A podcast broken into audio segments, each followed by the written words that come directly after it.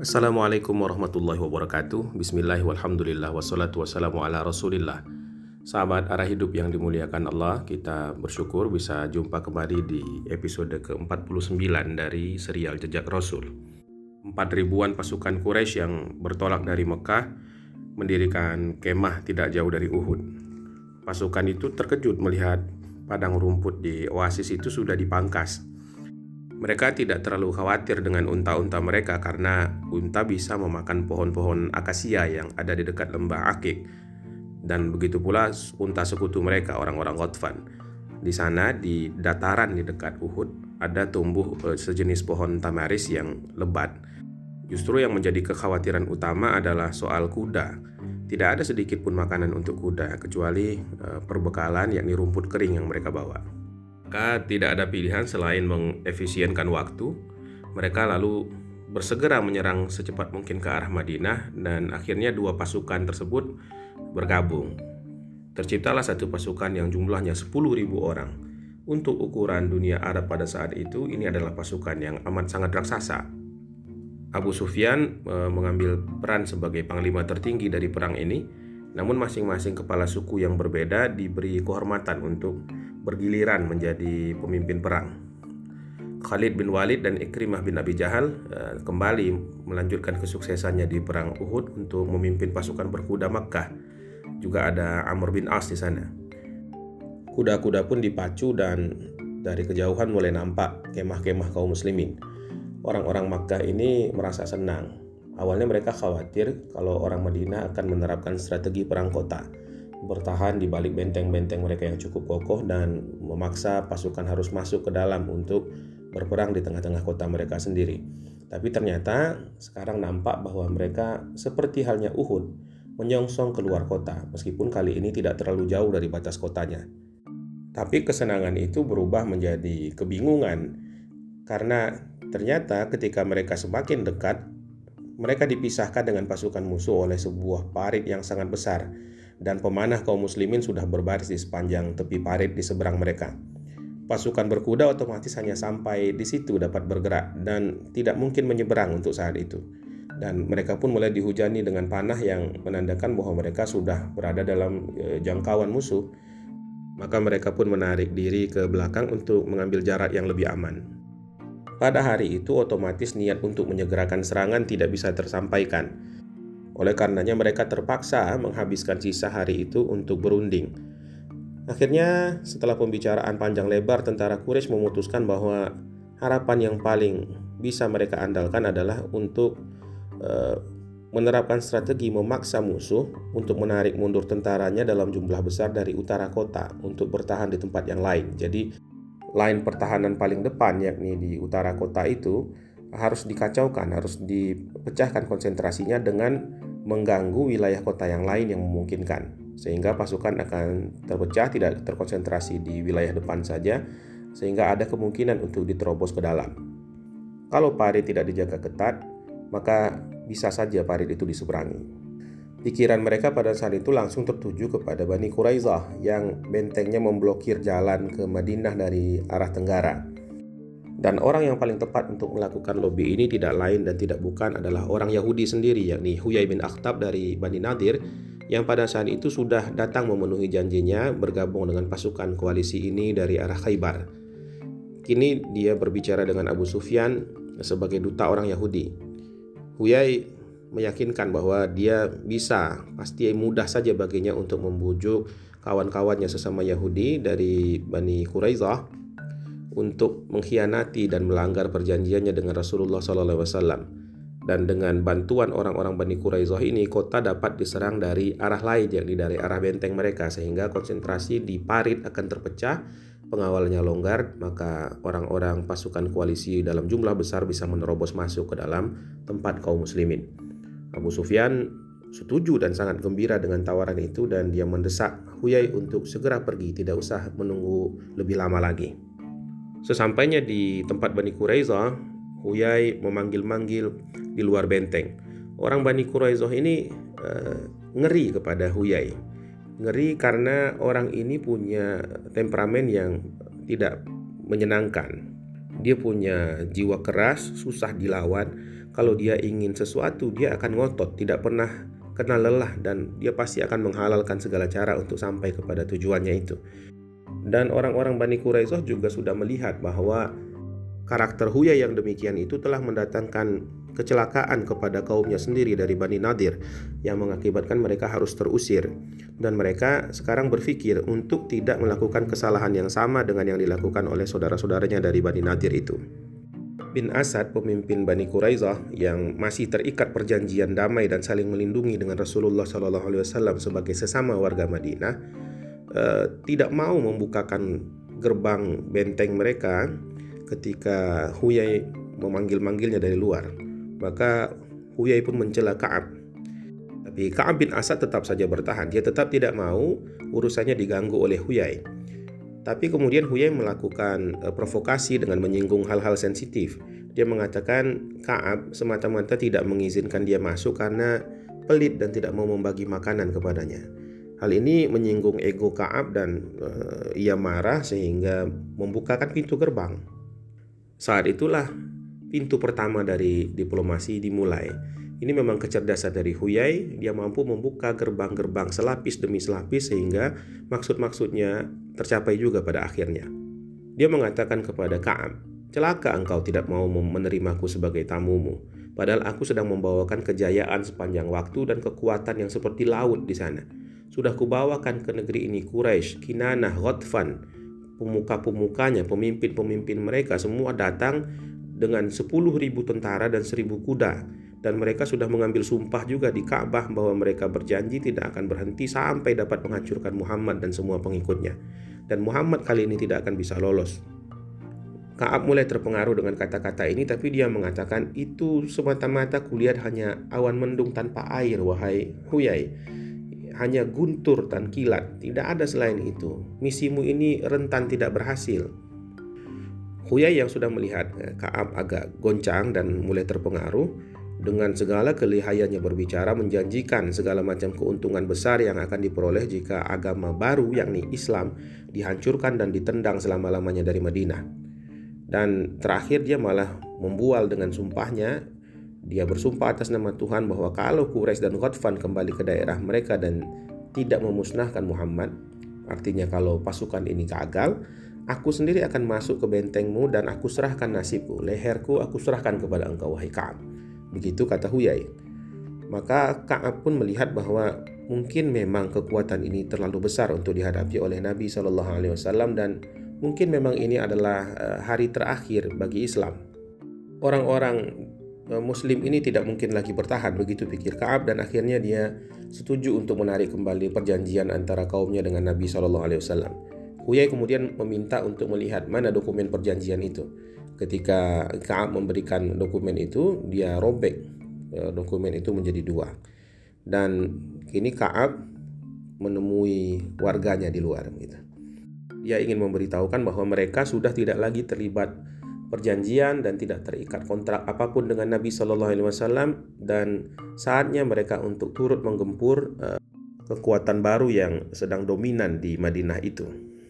Tapi terjadi perdebatan di tengah-tengah warga orang-orang suku Quraidah ini bukannya orang bodoh. Di antara mereka ada yang bertanya, "Apakah kamu yakin wahai Ka'ab, Huyai itu akan bersedia mati bersama engkau?" Ada pula sanggahan yang telak dari orang bernama Ibnu Al-Hayaban. Ibnu Al-Hayaban ini adalah seorang Yahudi tua yang berasal dari Syria yang dia datang ke Madinah dengan harapan dapat bertemu dengan Nabi akhir zaman Dialah yang kemudian dulu rajin menggambarkan Nabi dan menegaskan bahwa kedatangannya sudah tiba. Dan banyak di antara orang-orang Yahudi yang yakin dengan perkataan dari Ibnul Hayaban.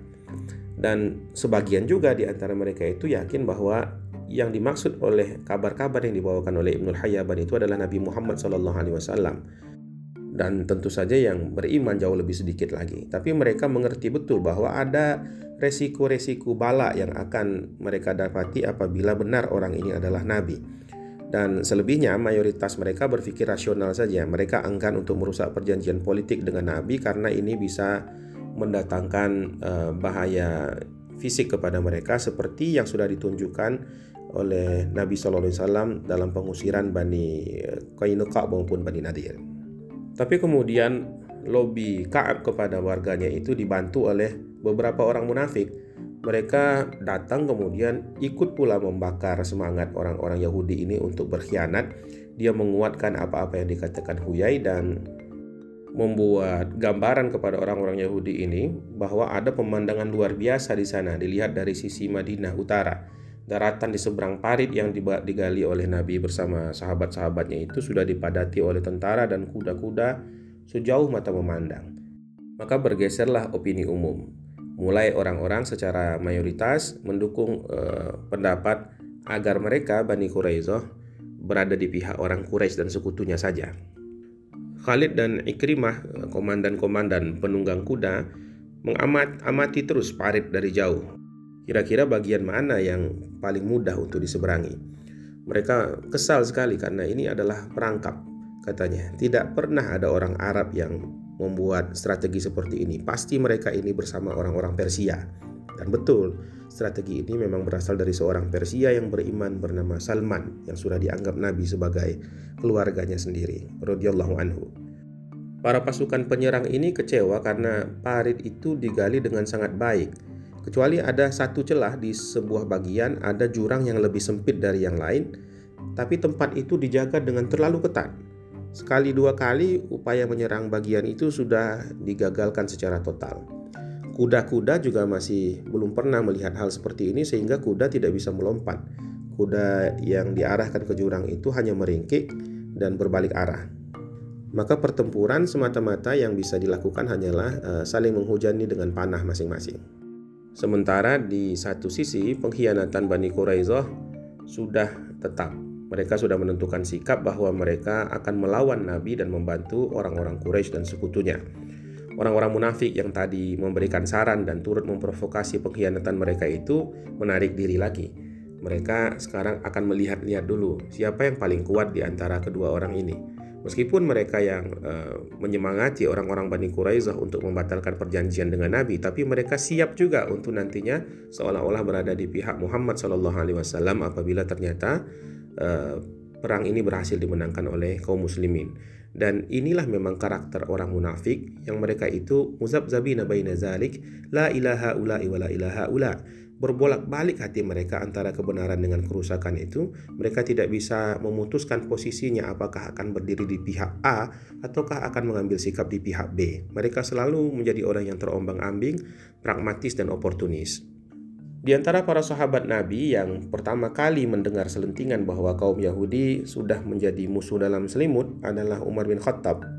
Maka Nabi yang sedang duduk bersama Abu Bakar didatangi oleh Umar Hai Rasulullah, kata beliau, aku sudah diberitahu ada kabar yang datang bahwa Bani Quraizoh sudah mengkhianati perjanjian damai mereka dan mereka akan turut berperang melawan kita. Nabi kemudian uh, nampak gusar dan kecewa sekali mendengar berita itu dan Nabi menyuruh uh, Zubair bin Awam untuk mengklarifikasi dan mencari info yang lebih detail tentang berita yang uh, dibawa oleh Umar bin Khattab itu. Verifikasi ini perlu karena di tengah-tengah perang banyak sekali kabar berseliweran sehingga pengambilan keputusan bisa saja salah kalau mengikuti kabar yang uh, belum terverifikasi. Uh, Zubair kemudian disertai pula oleh Sa'ad uh, bin Ubadah juga Sa'ad bin Mu'az juga Usaid bin Hudair. Mereka langsung bertolak ke arah benteng Quraizah.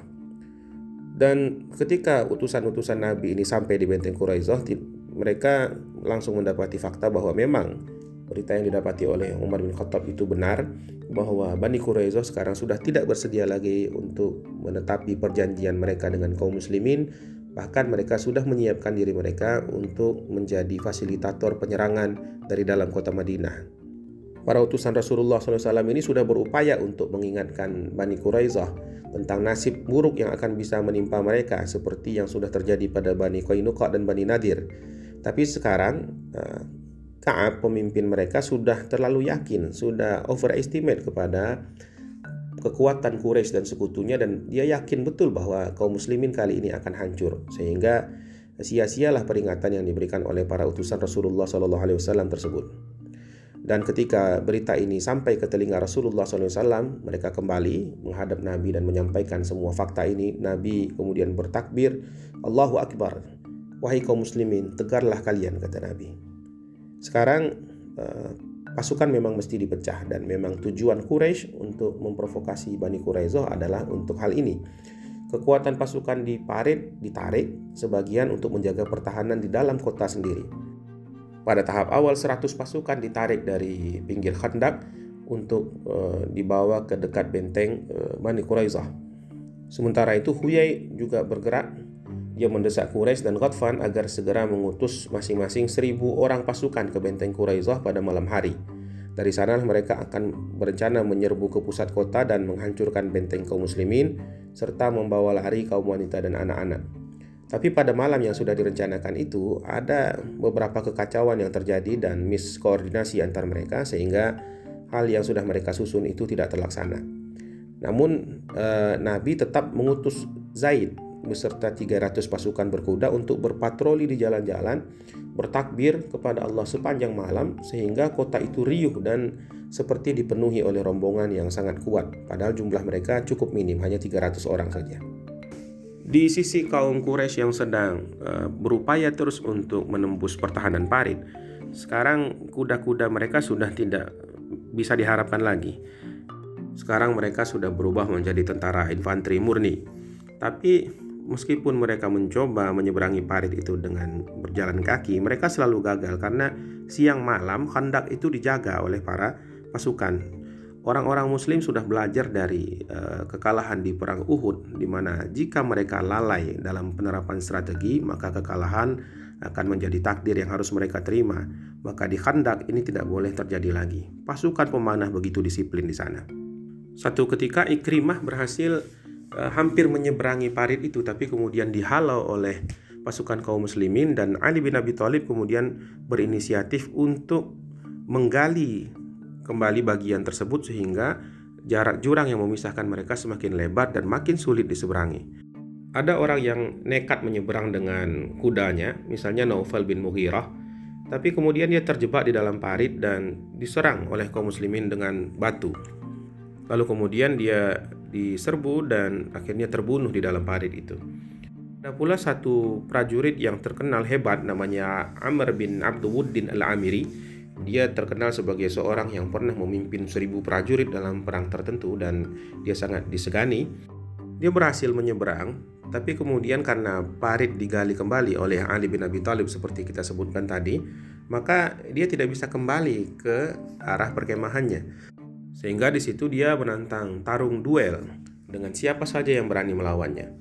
Maka eh, tantangannya itu disambut oleh Ali bin Abi Thalib. Kata Amr ketika mengetahui bahwa Ali yang akan melawannya, Aku tidak suka bertarung dan membunuh orang seperti engkau. Ayahmu adalah sahabat sejati dan sahabat setia ayahku. Karena itu pergilah. Lagipun kau masih muda, belum saatnya kau mati. Kata Amr. Namun Ali tetap bertahan dan Amr pun turun dari kudanya lalu keduanya bertarung.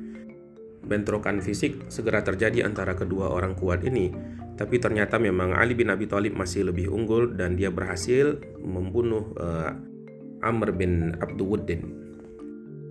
Pasukan koalisi Makkah ini tetap saja mencoba menyeberangi parit meskipun sulit, tapi mereka yakin ini masih bisa dilakukan.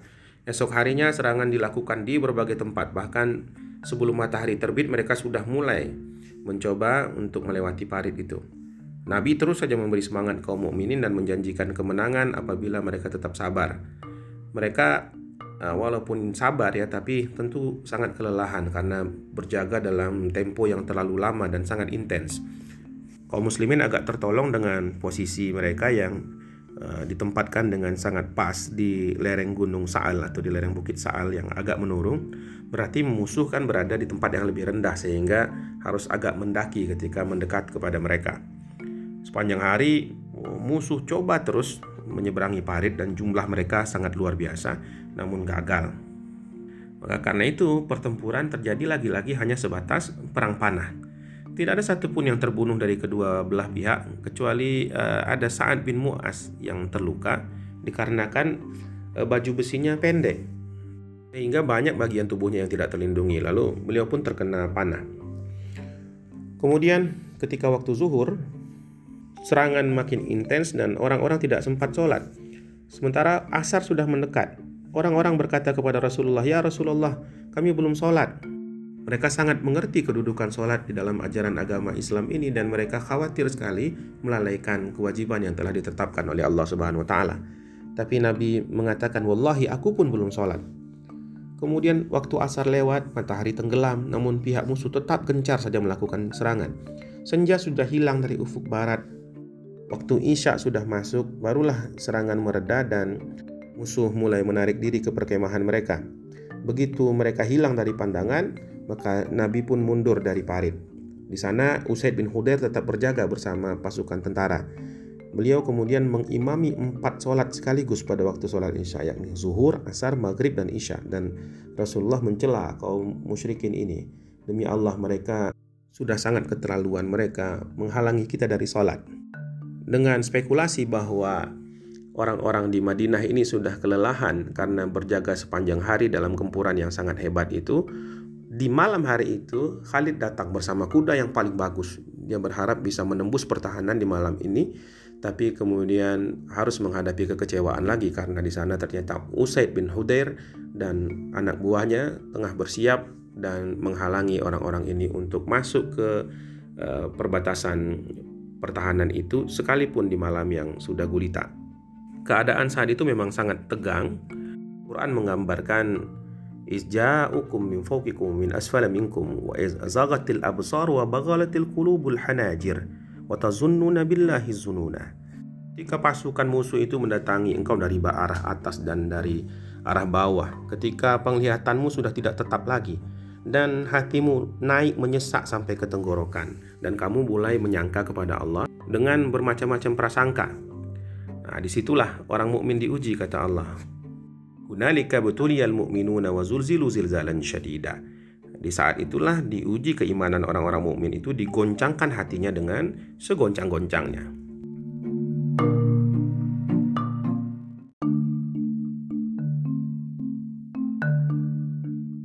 Pertanyaan mulai muncul di benak orang-orang mukmin. Kapan hari-hari ini akan berakhir? Persediaan makanan semakin tipis, udara malam hari sangat dingin, dan banyak di antara mereka yang Eh, imannya belum cukup kuat, tidak tahan terhadap kelaparan, kedinginan, dan suasana yang kurang tidur demikian. Mereka sangat lelah lahir batin. Hampir mereka bersedia bergabung dengan kaum munafik yang menyebarkan desas-desus bahwa tidak mungkin lagi bertahan dari musuh yang hanya dipisahkan dengan parit, sementara mereka juga harus menghadapi serangan ke belakang di arah benteng kota. Namun keyakinan mereka yang sungguh-sungguh beriman akan teruji dengan kesulitan. Mereka inilah yang dipuji oleh Allah Subhanahu wa taala karena pada saat-saat yang menegangkan tatkala mereka melihat golongan-golongan yang bersekutu melawan mereka, mereka malah mengatakan satu perkataan yang amat gagah. Disebutkan di dalam Quran, "Walamma ra'al mu'minuna al-ahzab qalu ma wa'adana Allah wa rasuluh wa sadaqallahu wa rasuluh wa ma illa wa taslima." Dan apabila mereka melihat orang-orang mukmin itu melihat pasukan koalisi, pasukan ahzab, pasukan gabungan ini, mereka kemudian mengatakan inilah yang dijanjikan oleh Allah dan Rasulnya. Dan sungguh benarlah Allah dan Rasulnya. Dan ditambahkan lagi dalam ayat ini, dan yang demikian itu, serangan musuh yang demikian hebat itu, jumlah mereka yang membuat bergidik itu, tidaklah menambah apa pun kepada mereka kecuali mereka makin beriman dan makin tunduk kepada Allah Subhanahu wa taala. Di telinga orang-orang mukmin ini seolah terdengar kembali terngiang-ngiang apa yang sudah disampaikan oleh Allah Subhanahu wa taala lewat lisan rasulnya kepada mereka berupa sebuah ayat yang turun kepada Nabi dua atau tiga tahun sebelumnya. Di dalam surah Al-Baqarah Allah mengatakan am hasibutum an tadkhulul jannata wa lamma ya'tikum mathalul ladzina khalu min qablikum massathumul ba'sa wad dharra wa zulzilu hatta yaqula ar-rasul wal ladzina amanu ma'ahu mata nasrullah. Ala inna nasrullahi qarib Apakah kamu mengira bahwa kamu akan bisa masuk surga begitu saja, padahal belum datang kepadamu cobaan sebagaimana orang-orang terdahulu dicoba, diuji? Mereka ditimpa oleh berbagai malapetaka dan kesengsaraan, digoncangkan dengan berbagai macam cobaan. Hingga berkatalah Rasul dan orang-orang yang beriman bersamanya, Mata Nasrullah, kapan kira-kira pertolongan dari Allah akan datang? Ala inna nasrallahi karim. Ketahuilah, ingatlah, sungguh pertolongan Allah itu amat dekat. Sahabat arah hidup yang dimuliakan Allah, begitulah perjuangan Nabi dan para sahabatnya dalam menegakkan kalimat yang mulia ini dalam menegakkan la ilaha illallah Muhammadur Rasulullah. Mudah-mudahan kita menjadi orang-orang yang bisa menghargai setiap jenak perjuangan Nabi ini dengan menjaga keislaman kita, menguatkan keimanan kita, memupuk ketakwaan kita dan berupaya sebisa-bisanya, semampu-mampu kita untuk meneladani sunnah Rasulullah Wasallam. Esok mudah-mudahan Allah berikan kepada kita umur dan kesempatan agar bisa kita teruskan lagi kisah selanjutnya. Assalamualaikum warahmatullahi wabarakatuh.